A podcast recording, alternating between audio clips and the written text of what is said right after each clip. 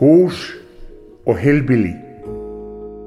Verið velkomin dýr friends í heimsókn á vinnustofur íslenskra listamanna.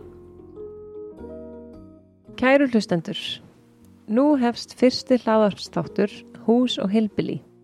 Við erum sýsturnar Ragga og Magga og við elskum að spurja fullt af listamannum fullt af spurningum. Ó, já, sýstir, hvort við gerum.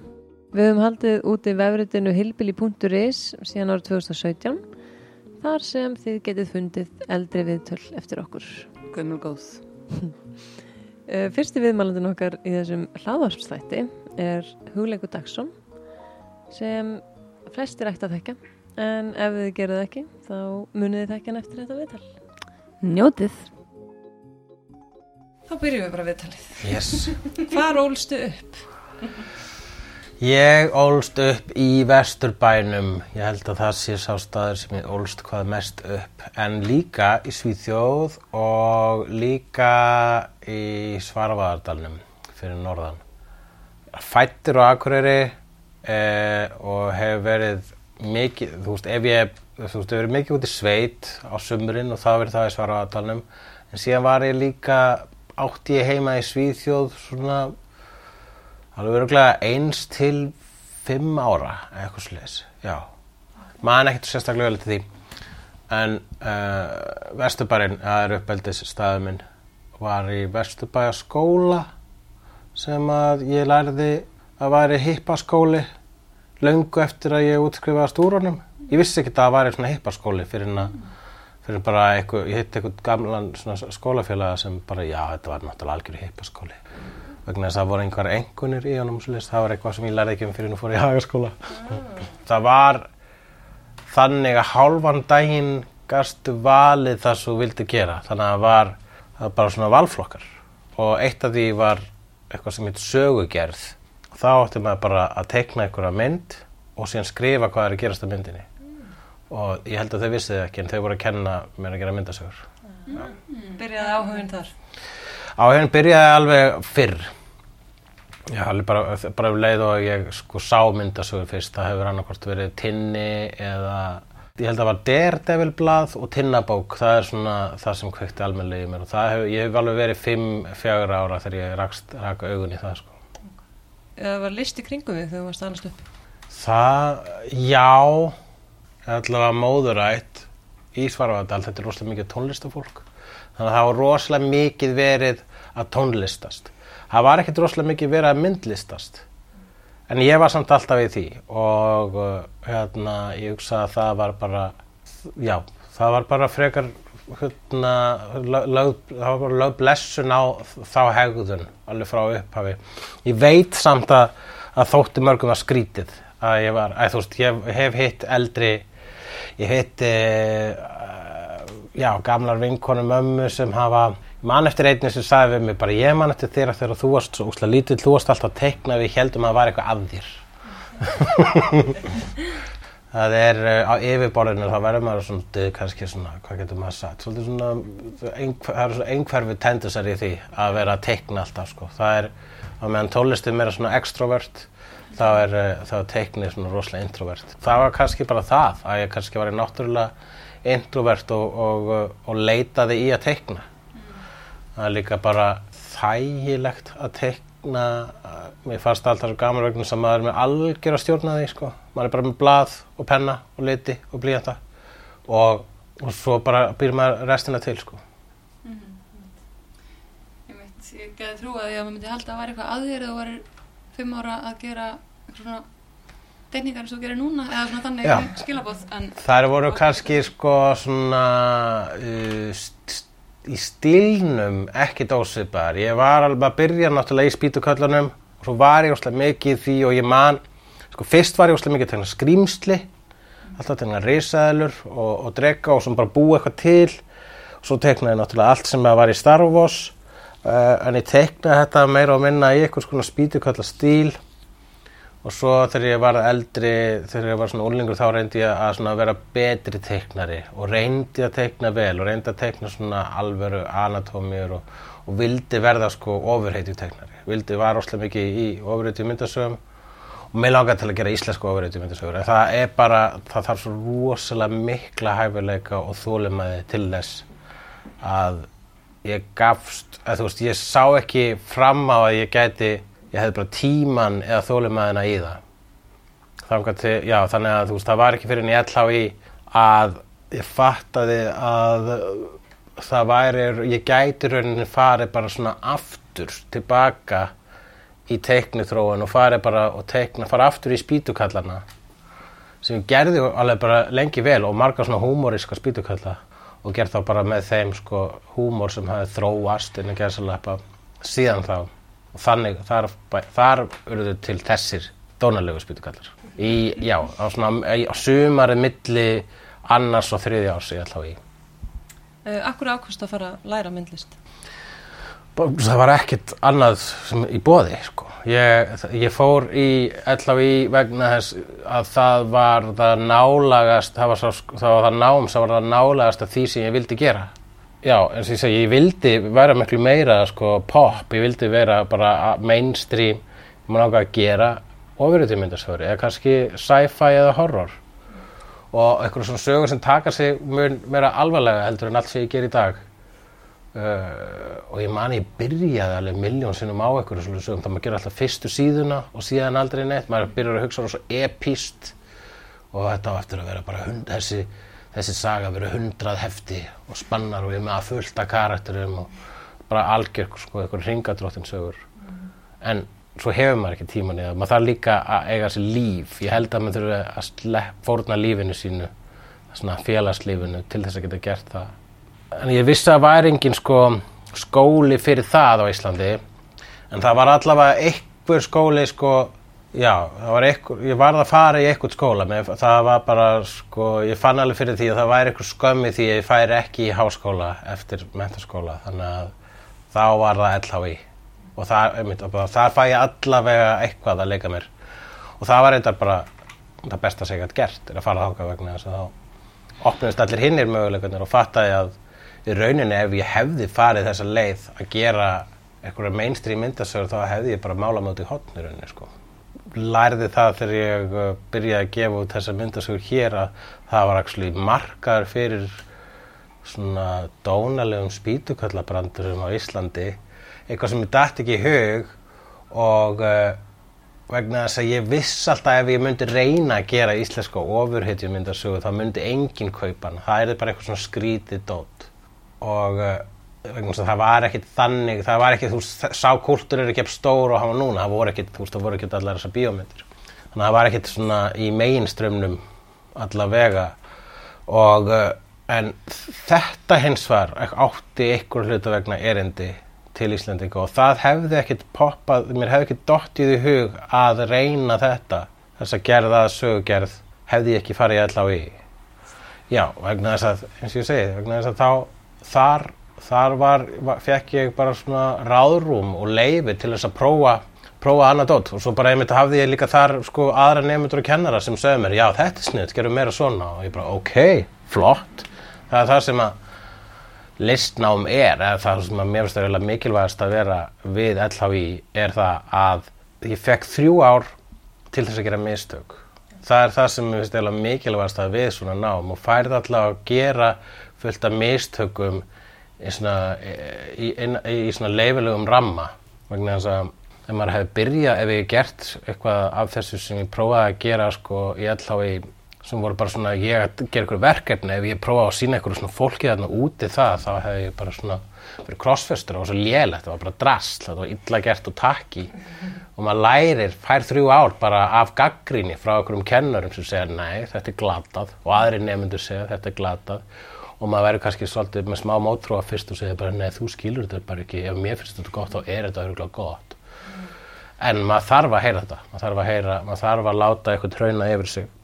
Það er mjög holdt og það er það sem að og ég er það er, það er þrjú ára af okkur, okkur ókunnu fólki að hrauna yfir mann. Þá maður verður svona hef, maður verður bara nógu humble til þess að fatta hvernig þetta virkar. Þannig að þið fannst, það var alltaf svona alveg stuðningur fyrir því sem varst að gera Auðvitað eitthvað einstaka verkefni fengu hrun yfir sig. Já Já, mér fannst alltaf vera stuðningur, mér fannst að vera einmitt og þar byrjaði strax einhvern veginn að blómstra þarna, ég að ég, fyrst byrjaði ég að, þú veist, það fór ég alltaf inn að finna fyrir að það sem ég hefði áhuga á, þó það var pop og eitthvað, þó ég var eitthvað svona, þú veist, með eitthvað Powerpuff Girls plakat á vegnum í mínum bás í skólanum, sko, og engin annar var með það, þá var það samt úrslega mikið gutterað og, og, og, og með kennarar kvöttu mig bara, já, akkurat, bara ég sé úr að pæla ykkur svona, halda áfram að pæla ykkur svona. Kannski líklega vegna þess að var engin annar að gera það í skólanum þá. En líka vegna þess að þau náttúrulega sjá bara uh, vægið já, og bara svona gildið í allri sköpun. Þannig að þau sjá að ég sé að leita í átt að ykkur svona poppið þá, þá hvetjaði mig í þá átt sko. það er eitthvað sem að maður var ekkit sérstaklega var við fyrir utan skólan ég var ekki var við það í uh, já, þegar maður var að kynna sér bara svona nútíma list, þá var maður ekkert sérstaklega var við það. Og var mjög mikið abstrakt og konceptuál í þá daga. En og þú veist þannig að þú veist þá var oft sagt, þú veist, ef maður ætlar að verða alveg listamár þá var svolítið í að því að maður þyrfti að vera svolítið svona konceptuál og hugsa svipað og, og allir listamenn sem voru í tísku þá en í skólanum hins vegar þá var maður kvartur til að hugsa líka út fyrir þann ramma vegna þess að það var alltaf vitað að þetta myndi breytast líka og myndi, uh, já, poppið myndi koma aftur eða eitthvað svoleiðis. Þetta var 2000 2002 Já, útskrifastu, ekki? 2002, já. Þannig að þú hefur bara fundið þinn stíl þarna. Og, Já, já, ég byrjaði að teikna þessar myndasögur sem ég er ennþá að teikna, sem varð vinnan mín. Byrjaði að teikna þær þar. hvernig gengur að lifa á listinni? Það gengur ágætlega. Uh, bara, ég get ekki kvartað. Það er bara svo lengi sem að maður er alltaf að vinna. Já, svo lengi sem ég er bara stanslust að koma ykkur frá mér, þá lifi ég á því og uh, núna, já, og, og, og þú veist, nú það er kannski, ég er búin, í tíu ár er ég búin að vera bara að vinna við mína list og þannig að það tók að raunin svona tíu ár að komast þangað og svo tók að raunin tíu ár að geta verið sko svona alveg comfortable í því. Og svo þarf maður samt að halda því halda sér að flugja allan tíman og ég er bara komið með svona ákveði kerfi núna sem ég reyna að gera x mikið á dag. Ég er með svona einingakerfi þar sem ég ætla að klára nýju einingar á dag. Og ef ég teikna nýju brandara þá er ég búin að vinna fyrir daginn en líka, eh, svo er ég líka þú veist að selja bóli og þá er ég að setja þá upp í Photoshop. Þannig að ef ég setja upp þrjá bóli það er líka ein eining. Og þrjár síður af eh, leikriti eða, eða einhverju handritur sem ég er að skrifa það er líka ein eining. Þannig ég er bara svona svo lengi sem að ég fyll upp í þann kvóta daglega þá veit ég að ég er að skila einhverju af mér sko. svo hjálpa líka rosalega mikið að vera með basically umbós konuna Anna Rakel sem búin að vera að starfa með núna í að vera tíu ár. Vegna þess að hún minni mig á að gera hluti. Og, og alltaf þegar ég fæ eitthvað hugmynd þá bara göngu við í það. Þá fer hún í að rannsaka hvernig við gerum það. En svo bara núna síðast ári þegar ég ákvað að fara í uppistandstúr um Evrópu. Vegna þess að ég, komist, ég held að ég geti bara verið með uppistandi á Íslandi og á Finnlandi. Og svo prófaði ég vera með uppistand í Tjekklandi og Serbíu uh, í desember 2018 og þá hugsaði ég, ok, það mætti fólk að það, þannig að ég gæti kannski verið með öðrum löndum, þannig að þegar ég kom tilbaka þá bara, ok, nú ætlum við að skipuleggja Evrópatúr og hún aldrei skipulagt túr á æfinni og ég aldrei farið á túr og uh, hérna, svo við fórum bara í það og hún bara, hún kynnti sér hvernig að vera túrmanager og svo ferðist við um Evrópu í ykkur, ykkur átján lönd á einu mánuði, ne, eh, já, átján borgir allavega. Og uh, það var bara ókýrslega gaman og það gerðum við bara vegna þess að þú veist, það er það sem ég er alltaf að minna sjálf um á að ég hafi kannski sagt, hei Rakel, ég er að spá að við kannski taka uppistandstúru Evrópu og hún bara, já, jú, ok, og hvað, hvar? Ég veit ekki, við getum auðlist á netinu hvort ykkur viljið fá okkur, já, prófum það, svo prófum við það og svo aðra vissu það, það voru búin að kaupa fullt af flugmiðum og voru búin að skipilegja hérna túr, Ok. ókýrslega gaman. Og bara til að challengea sjálfa þér? Eða- Já, og það aðtöðu hvort ég geti, já, til að gera það og ég var búin að sapna, var búin að vera uppistandast sko í svona tíu ár allavega þá og þá var ég alveg kom, ég var komin nóga efni og búin að vera aðeins í fimm ár á ensku þannig ég átti nóg af efni til þess að geta sett í svona klukkutíma sjó Það er eiginlega líka svona ákveðin kvíði sem kemur ef maður er með eitthvað og gefur það ekki út þá er það bara að henda því í rusli, þá er bara maður að sóa því og ég bara ég verð að gera eitthvað við þessa brandara sem að virka bara á sviði. Þannig að planið var sko ekki bara túrin heldur líka að taka upp síðasta sjóið í Finnlandi. Þannig við gerðum það, réðum leikstjóra og tókum upp sjóið og þá á ég það, þá á ég alltaf, þá er ég búinn að sapna því það er bara basically eins og að setja alla brandarana sína í svona eina bók og síðan byrja annara bók, þannig núna er ég að semja brandara fyrir næsta sjó. Við höfum nokkuð sinni verið í salnum hjá þér. Já. og hérna einhvern tímann á húrra eða eitthvað mjög langt síðan samt. En hérna var svo fyndið að það er eitthvað svona ég man ekki alveg, eitthvað KFC brandari um eitthvað, ekki vera að drepa hamingisam hamingjúlíka eitthvað Já, já, akkurat. það var. og þú veist það er eitthvað svona maður var ekki að segja eitthvað svona kjötbrandara í þessu postnúmeri eða eitthvað svona Já, sagði ég það. Ok, ég, ég- ég man eftir þessu sjó, ég man að mjög margt sem ég sagði svona off the cuff og ég var bara svo glæður, ég held ég hef tekið upp, svo gerði ég það ekki, ég bara, ah. Ég held Það að var gott að hafa röggu svona til Já. að segja brandari akkurat. það að segja ekki að kjötbrand var þessu postnúmúri. Nei, ég var eitthvað svona að ég var að hugsa að þú, þú veist, að fara með á milli staða því að jafnvel bara innan postnúmera í Reykjavík kannski segjur um ísmöndu brandara Já. að allir eru vegan í miðbænum eða eitthvað þannig Jú, það er mis, algjörlega mismunandi eftir postnúmerum og bara hvar á landinu maður er þegar maður er að segja brandara. Ég til mér var með alveg sko, var meira pólitískur svona fyrst og þá var ég með brandara um framsókn og eitthvað sko og ég fattaði bara að segja hann aldrei út á landi. Það bara gekk ekki, fólk var bara hvað, áróður. Og svo ef maður er að gera fyrir sko svona háskólakrát þá, þá get ég sagt sko þessar brandara sem eru í grunninn un-PC en ég þarf stundum að koma svona disclaimer undan og segja ég er ekki vondur. En ef ég væri vondur myndi ég segja þetta bla bla bla bla. Eitthvað svoleiðis. Þannig að það er, það er sko þannig eru tímatir sko núna. En ég heldur hafi í rauninu alltaf verið þannig. Mjög margir grínistar sem eru að tala um að, að political correctness er að drepa húmor og ég bara er ekkert sammála því. Þess að ég held að þú getur bara sagt allt en þú bara þarf að finna einhverja nýja leið, þú veist bara svona, þú veist, þú getur haldið áfram að segja brandara sem eru ógeðslegir en þú bara þarf að finna einhverja nýja leið til, finna leið til að segja þá til að komast upp með það, þannig að það er bara listin, það hefur alltaf verið listin að geta djóka með hvað sem er en þú þarf bara að orða það rétt.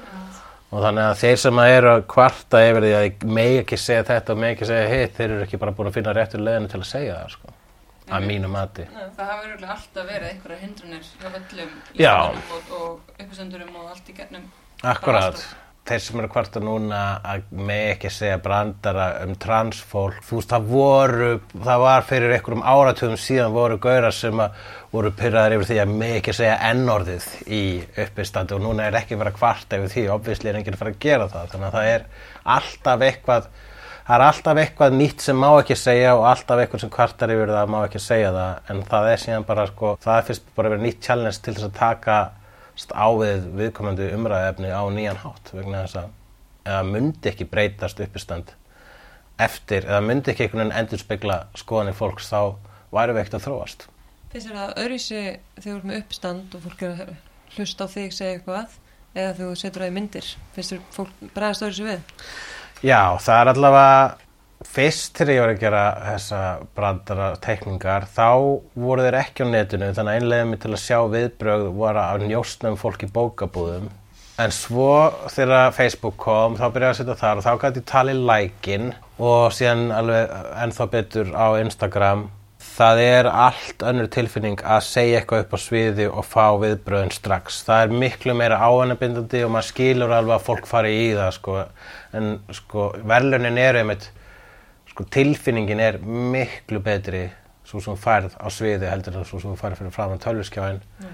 En fyrir vikið er líka, þú veist, refsingin miklu verri ef þú ert lélegur. Ef maður er upp á sviði að segja eitthvað, eitthvað brandara sem heitir ekki mark og kemur ekkert um að þögn það er ógeðslegasta tilfinning í heimi og maður upplifir svona mannlega eimd í sinni hreinustu mynd Hvort er það þögn eða svona vorkunar hlátur ég held sko ég er þögnin allavega svona betri svona, svona hreinskilin sko bara þegar kemur vorkunar hlátur það er bara svona ekki don't pity me veist, ég veit að það var lélegt. Og Þú getur eitthvað snúið hvort tökja einhvern veginn Já. það er alveg hægt. Og það er bara ekki góð tilfinning. En því ofta sem ég gerir þetta því að mikilvægast sem getur komið fyrir uppistandara er að skýta á sig á sviði vegna þess að maður þarf að læra að það sé ekki heimsendir. Ég myndi aldrei fara aftur upp á svið ef ég myndi skýta á mig upp á svið. Nei, er já, alveg- það er, svona, er lífkerfið líka sko.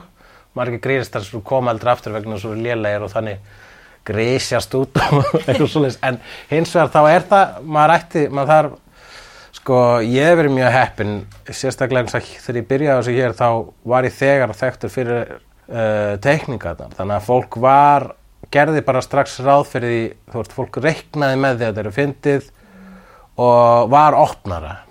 Og svo held ég bara á Íslandi þá, þú veist, þá var uppistandur rosalega nýtt. Það var mið Ísland, ég var ekkur mið Ísland kvöldu þetta var áður en byrjuði að kalla sig mið Ísland þá var bara stemningin var þannig að fólk var komið til hlæja þannig að rosalega heppin. En þú veist ef að ég væri að prófa uppistand annarkost í Bandaríkjunum eða Bretlandi þar sem að kultúrin hefur verið til lengur og þar sem að þar sem að í rauninni sko lífkerfið er bara það svona einhvern veginn grimmara sko. Það eru fle- fleiri villidýr hérna sem býða eftir að geta þig. Þá hefði ég örgulega skitið af mig sko bara fyrstu tíu skiptin. En ég var bara svo heppinn að vera í þeim aðstæðum sem ég var í. Og þar að leiðandi þegar ég byrjaði að prófa þetta í útlöndum þá var ég búinn að safna upp úr kjark hérna heima og búinn að prófa þetta á túristum hérna og svo leiðis þannig sér rosalega verndað umhverfi svona uppstands umhverfi sem ég lærði í. Og ég frekar heppinn hvað það varar veit ekki hvort ég þólað að fara upp á svið þú veist, ef að fyrstu skipti minn hefði öll verið ömuleg þá hefði ég bara mist trú á þessu. Og það var líka bara mjög stutt áður en ég prófaði þetta fyrstu skipti. Þá var ég eiginlega búin að ákveða það uppistand var eitthvað sem ég myndi aldrei prófa. Og vegna þess að ég var svona að prófa allt sem ég langaði til að prófa skrifa leikrit og hafði skrifað fyrir sjóarp og, og, og gera myndasögu þannig að ég var svona ok, ok, minnst þetta skemmtilegt, þetta skemmtilegt. Minnst líka uppistand skemmtilegt en ekki fræðilegu möguleiki ég prófa. Það og til að Ari Eldjátt sem að frændi minn sagði þú verður að prófa. Þú kemst auðvitað upp með ímislegt og ég bara ok, ok, ok, En það er líka því að þú varst búin að gera þessar brandara, eh, brandara myndir eða Já, það er búin að gera það þannig að ég var með það sem stökkpall sko, sko náttúrulega myrkasta sem maður gerir í í uh, teikningunum myndi vera þú veist okkur barnadauði uh, eða heimilsofbeldi og svoleiðis. Þannig að þegar ég, ég geri það stundum bara til þess að rauninu skapar svona horror svona inn á milli og blanda þið saman með húmórin. Það er eitthvað sem maður getur ekki gert á sviði. Ekki, það er mjög margt sem ég get ekki sagt á sviði að verja það sko vegna þess að ég er að segja það. En þegar það er á teikningu þá eru þessir spýtukallar að segja það en það sko, einmitt það sem ég er að vinna í núna sko uppi standi sem að vonandi fyrir á túr þá bara næsta ári. Ég ætti að vera á túr núna. Er ég, það eru svona ein, tveir brandara þar sem ég veit sko það sem ég er að segja alveg bara svona að, nánast of grafíst og ég veit að það er rosalega ljótt. En mér finnst bara brandarinn góður þannig að ég sko, það er bara svona næstu starffræðilegt, ég þarf að hafa hann allavega 40 mínútur af bara svona tilturlega ógæslega stöffi sem að byggist upp þannig að ég geti sagt þannig brandara hér. Ef ég segi þannig brandara hér þá missi ég fólk. En ef ég segi hann hér þá er fólk búin að vera að samfæra mér alla þessu leið. Og það að vera skrítið að myndi bara svona sko vísa mér á bög þarna. Og svo kemur mér eitthvað rosa sætt strax eftir það. Svoleiðis. þannig að það er rosalega skemmtilegt svona að raða upp struktúrnum Hvernig er sköpunarferli? Um, ég er gjarnan með bara eitthvað svona, ég geng alltaf með eitthvað bók á mér. Já, ég er oftast með eitthvað svona vasabók uh, í bakbókunum mínum eða í úlpuvarsanum. Það er svona, ef ég með dettur eitthvað brandar í huga förnum vegi, þá krota ég niður opbúrslega gróft og snögt. Þannig að, eh, hérna, ég, og, og ég sapnaði bara svona illateknum, skissum í litlar vasabækur þegar þær eru orðna fullar þá byrja ég ofta að hripa það niður og hreintekna þær og setja þær á internetið. Og uh, já, þannig er svona spýtukalla brandara uh, dæmi mitt. Þegar ég er að semja fyrir um, uppistand þá var það fyrst þannig að ég skrifaði niður bara allt settið bara eins og, eins og einlegg en það var bara að stressaði mig að vera með þann texta fyrir fram með mig og þurfa að læra hann utan að þannig að það sem ég byrjaði að gera eins og upp á síðkasti þá hef byrjaði bara svona að vera með eina pælingu sem er svona ein setning og fara upp á svið og segja hana og ef að viðbröðum við þeirri setningur góð þá verður eitthvað annað til á sjálfur sér. Þannig að ég byrja að raunum bara að fara með síma minn upp á svið og taka upp uppstöndin vegna þess að þá byrjaði bara að fæðast brandararnir þar þannig að það sem byrja fyrst sem ein pæling getur endað í bara svona fimm mínútna bytti. Það er, já, og það er líka bara svona í rauninni dæmi um hversu mikilvægir áhörendur eru í uppistandi. Þetta er alltaf samtal melli uppistandara og áhörenda þannig að ef ég fer, mér er alltaf líkt þessu við það eins og að vera á, á brimbretti. Að þú veist hérna, maður fer á sjóin og ef það eru öldur þá getur maður surfað og þú veist, góður salur sem hlær það er bara svona mjög góð alda ef ég byrja sérst stekk þarna í djúbulauðina og segi það sem ég er að spá og þau hlæja og ég bara, ok, hvað finnst þetta að fyndi? Ég veit og held síðan áfram að sjálfu mér, þá allt í hennum verður þetta til og allt í hennum þetta til vegna þess að það er adrenalín í gangi og, ég, og bara sko, ég er, finnst mér líður eins og ég sé bara svo surfa á hláturinu þeirra sko. Ef þau hlæja ekki, þá bara enda brandarið þar og ég hugsa annarkvort muni aldrei segja þetta aftur að sviði eða kannski muni prófa þetta einu svona en kannski voru þetta bara lélegur salur sko Eða breyta í örlítið. breyta örlítið, finna eitthvað aðra leið til að gera það, setja það annar staðar inn, koma með eitthvað betra sett upp og svo framvegis sko. En maður, það er líka líka regla að maður á ekki að kenna áhundurum um, þó þeir séu umulegir, maður er alltaf að kenna sjálf um. Okay. Eða hefur upplegað sköpuna stíplu? Já, mér finnst ég alltaf að vera upplifuna, en uh, ég held ég sé ekki alltaf upplifuna, eins og ég er alltaf að gera eitthvað. Ég held að mér finnst ég vera alltaf upplifuna vegna þess að það er bara svona eitthvað innra samverðskupið sem er að hvetja mig til að gera meira og meira og meira og alltaf það sé ekki nöðsilegt en það ef ég er að skrifa sögu þú veist ef ég er að skrifa leikrit eða er að skrifa sögu þannig að ég gerir líka svona bara svona hefðbunda myndasögur þar sem ég skrifa handritið og síðan sendi það á teiknar og, og bara annar teiknar sem teikna það sko svona. Bara saga með upphæfi miði og enda og margir rammar á síðu og, og, og vel teiknað. En hérna ég þegar ég er að skrifa svoleiðis sögur þá það verður svona oft eins og ykkur bara svona starffræði fórmálar sem maður er maður þarf að finna akkurat réttu leðina til að leysa hana til að hún gangi, hún þarf alltaf að ganga upp og maður aldrei verða leiðileg, hún kannski má vera leiðileg og einum kabla í bókinni þar sem þetta verður dramatíst eh, og og vera, maður að passa sig að vera ekki klísukendur, maður að passa sig líka að vera ekki of skrítinn og allt svoleiðis og, og þetta sko um leið og ég byrja að tala um það þá finnst mér þess að ég sé að ofhugsa það sko. þá fæ ég hérna rosalega reitt stíplur og veit, e, þú veist, byrja strax að efast um hverju einustu ákvörðun sem ég set inn í ferlið. Og það er í rauninni bara spurningum að fara út í göngutúr eða segja einhverjum frá þessari, segja upphátt einhverjum frá þessari pælingu sem með þannig að leðum að spyrja að segja hann upphátt og þau ránkvalva ekki augunum, það er góður mælikvarði. En ég vildi að vara með sko almennilega lækningu við reyðstíplu en það er já, ég held að sé það er að það besta er göngutúr, að fara út og skipta um umhverju og það er rosa gott að fara í strætó líka eða sitja í rútu frá hérna, fara bara alveg norður land eða það er gert þegar ég er að fara norður að skrifa teki kannski rútu og þá er ég kannski, til og að ég var einu svona semjulegrið og var ekki alveg, ég var bara með fyrsta atrið og svona bara grunnhugmyndina í gangi. Þegar ég var komin í Svaráðardal þá var ég bara með alla söguna og það var bara vegna þess að maður var alltaf bara með einhver fjöll framheimanni og var bara umhverfið var alltaf að breytast og það gerur rosalega mikið fyrir heilan. Uh, ég myndi segja að það sé mjög góð lækning og deadline getur líka gert kraftaverk. Þannig að ef ég fer í forlægið og segi ég, þess, ég ætla að gera þessa bók og uh, hann spyr, já, ertu byrjar á hann og ég lík, já, já, ég lengur byrjar á hann og svo fá, bara er settur sett dagsetning á samningin og ég bara verða að klára fyrir þessa dagsetningu þannig að ég bara það, það verða ótrúlega hlutir til og, og lausnir verða til í paniki. Þegar ég bara, og það vika í skil hvernig á ég að láta þetta enda? Og það bara panikast einhvern veginn og svo bara rup, verður það bara til og, og svo, svo les ég bara bókinni kannski árið síðar og bara það hefði ekki getað endað öðruvísi. En þetta var bara til vegna að ég var að flýta mér. Þess að ég hafði ekki tíma til að hugsa þú veist þessi, þegar ég gaf þetta út bæ, bækundum mínar svona bara brandarasafn eitt á ári í rauninni, það voru fimm ári rauð sem ég gaf út 200 brandara söfn, það er að segja 200 brandarar í hverju bók.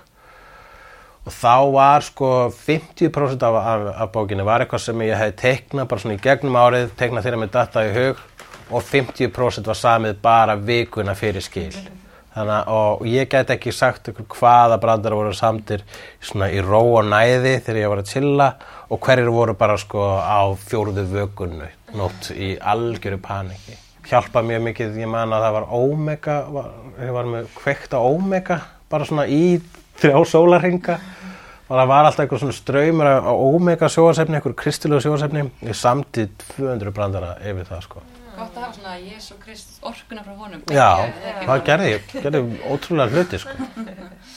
Gæði það miskilja. Já, við fekk bara þarna bestu hlið af mannkyninu og Já. Eh, Hvernig er típiskur dagur hjá þér? ég bara vakna og byrja oftast að vinna almennilega um svona rétt fyrir hádegi. Fram að því þá er ég svona að prokrastinata og það sko, núna bý í Berlín, þar er mér rosa góða Playstation aðstöðu. Þannig ég byrjar að byrja oft daginn á að fara í Playstation og það er, já, það er eitthvað að vera Lara Croft að hoppa á milli kletta. Það er svona losar frestunar áratuna. Þegar ég er búinn að gera nóg af því þá er ég alltaf búinn að leika mér svo rosalega mikið að bara ég fæ meira samvinskupið yfir að hafa ekki gert neitt og fer að vinna og verð bara duglegur fyrir vikið.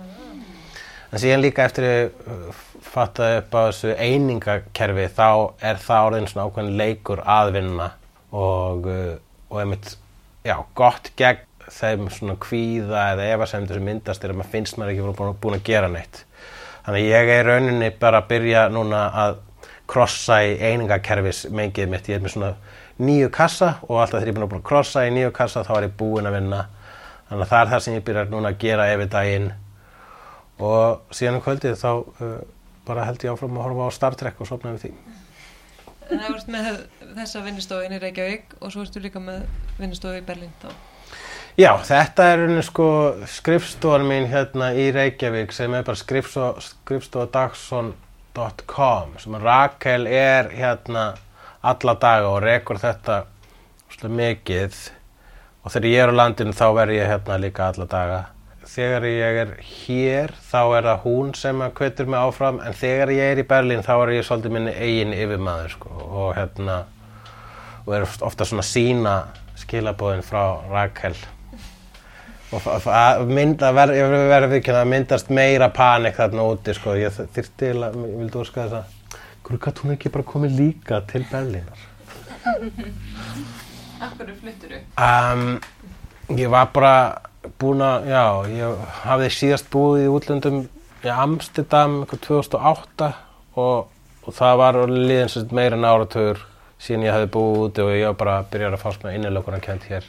Og svo bara var ég líka síðustu sömur búin að fara til Berlínar og mér fannst bara svo fárálega þægilegt að búa þar. Og svo var það sérstaklega eftir túrin síðasta ára að vera búin að ferðast um öllu þessu lönd vera búin að vera svona mikið útlöndum koma síðan heim og fara í bónus og síðan sjá hvað bara kókumjólk og túnfisk samloka kostaði og vera bara svona allt í hennu fyrsta sinna á æfinu bara svona reyður yfir íslensku verði. Djöðlega allt dýrt í þarna nú fattaði hvað fólk er að tala um og allt í henni byrjaði að hugsa um það og, og hugsaði bara djöðlega næst að bara búa í landi þar sem ég borga þrísasunum minna. Og þannig að já, í rauninni er það bara hvað matur er ódýr, það er eiginlega helst ástæðan í bíðar sko. Hvernig er draumadagur? Draumadagur er, uh, já, ég er bara, mér líður alltaf best ef að ég er í sóninu, sko, þegar ég er að vinna almennilega og ég man einhvern tíman, hérna, þá var ég fyrir norðan að skrifa mitt fyrsta leikrit, forðist okkur og ég byrjaði eitthvað, já, það átti bara, bara byggt á myndasögunum, byggt á spýtukallabrandurunum ég byrjaði eitthvað að hérna, hugsa hvernig ósköpunum var hægt að gera söguþráðu þessu og, og byrja að skoða brandarana og sá að hérna, þessi karakter gæti líklega verið sami karakter og í þessum brandara. Og þessi típa er eiginlega svolítið sama típana hérna. Og svo allt í henni byrja ég að leggja saman og fatta að ég get ekki búið til þrjár fjölskyldur úr bara öllu fólkinu hérna í þessum brandurum og svo bara um kvöldi var ég búinn að skrifa 70% af leikritinu sko, bara allt í henni bara svona var, það var bara svona þetta vall upp úr mér. Og það er svo ótrúlega góð tilfinning og það hefur komið fyrir alveg til þess að þrýs var síðan þá en það er, það er draumadagur, það er dagar sem maður vinnur eitthvað sem að á aðeins já, aðeins verra stuði myndi taka mig kannski mánuð að gera sko. Þannig að það er bara svona, svona hugmyndadagur, það eru bestu dagarnir sko. Þú ánaður með ákvörðunina að vera myndlistamæður? Já, ég er mjög ánægð með það ákvörðun. Ég veit ekki hvort það var samt eitthvað tíman ákvörðun. En það var bara það eina sem kom til greina. Ég uh, var aldrei með backup plan hvað ég myndi gera ef ég myndi ekki vera listamæður. Þannig að ég get ekki eins og hugsa til þess hvernig mér myndi líða ef þetta hefði ekkert gerst. Þannig að ég til mig bara vera rosalega heppin. Og uh, já, þannig að ég er rosalega ánægð með það ákvörðun. En hún er líka hefði ekkert komið hefði ég ekki feikið þann stuðning sem ég fekk sko. ég er, svona, ég er nokkuð viss um það Fjölskyldustuðning. fjölskyldustuðning og vina og, og, hérna, og kennarastuðning Og hlátur almennings? hlátur almennings, já, það hjálpar ég allavega hérna, það var eitthvað sem að ég hef lært af þessu öllu saman það er að prófa hluti.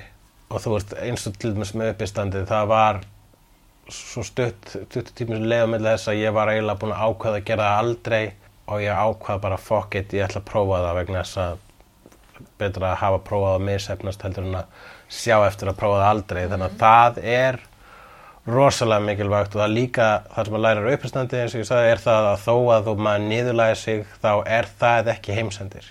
Þá er það bara eitthvað sem að sem hefur á, í reynslubankanum og það er bara ofta mikið, ég held að það sé mjög mikilvægt að niðurlæði sjálf sig. Bara það er ógslag mikilvægt.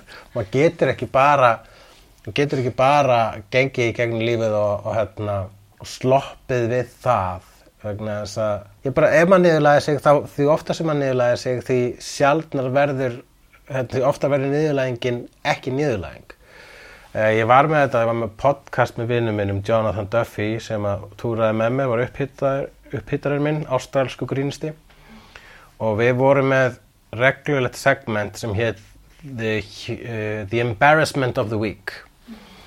Þar sem að við sögðum bara að það vandræðilegt sem kom fyrir okkur þá vikuna. Og og það var alltaf eitthvað þú veist, ég óvart séraði mynd af einhverju random stelpu á Facebook, eitthvað svona. Og, uh, eða eða hérna uh, prumpaði upp á törri framann einhverja sem að maður á ekki prumpaði upp á ég veit það ekki, eitthvað svona ég man ekki sko, man ekki í svipin hvaða var svona mestu niðurlægingarnar en það er líka vegna þess að sko þeir eru voru búin að gera svona 50-60 þætti þá allt í henni tóku eftir því að við áttum erfiðar með að finna niður, hérna, embarrassment of the week.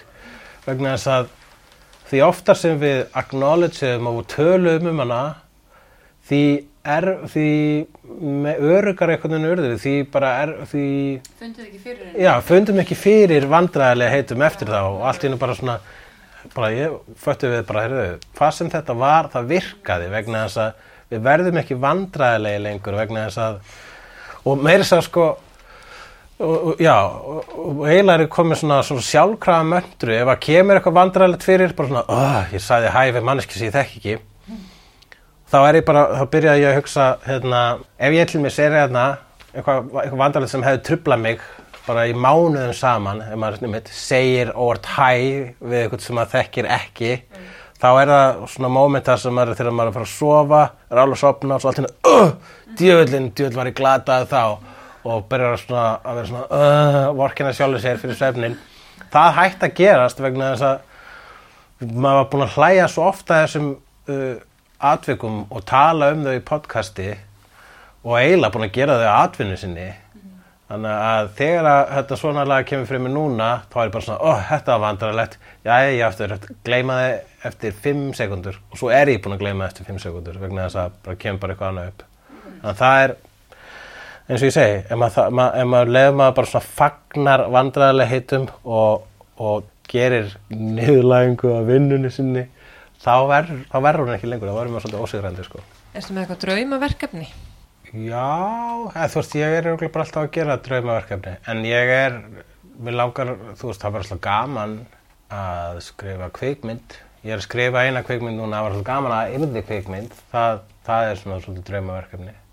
Ég er að skrifa handrit eftir myndasögu sem ég gerði með teiknara sem heitir Átni Jón og uh, það er svona ofurhetju myndasaga sem heitir uh, Superkúkur og fjallar um fólk sem að fara tilbóð frá Guði og ef, að, ef það borða kúk þá fara að vera súpumann í e, sólarheng og, og mjög svona smart ádela já, við gáum það út í myndasögu og hún er til þarna Uh, og já, og við settum núna niður núna snemma árinu og skrifum bara út kvikmyndahandrit og ég er, svona, er að skrifa second og, og third draft af því núna og það var náttúrulega draumaverkefni að það færi einhvern veginn í gegn það getur bæði, við sáðum fyrir okkur að geta annarkvort verið leikinmynd eða svona svona anime teiknumynd sko. Eh, Hvert væri þemalag lífsþins? Já, þemalag lífs míns. Það er eitt lag eftir Handel sem ég segi alltaf þegar ég fæ svona spurningar um uppáhaldslög og eitthvað og ég- mér finnst það alltaf gott lag en ég veit ekki hvernig á að bera frá nafni á. En það heitir Lias Leo Leo Piagla Ok. mm, eitthvað svolítið Lias Leo Leo Piagla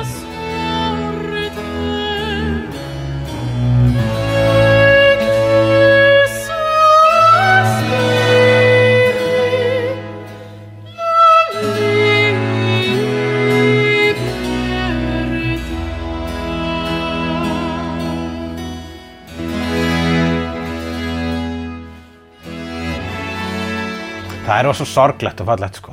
Það er svona hljómar og svo sorglegt sko. Ég las eitthvað um óperuna sem það var sami fyrir og ég tengdi ekkert við það.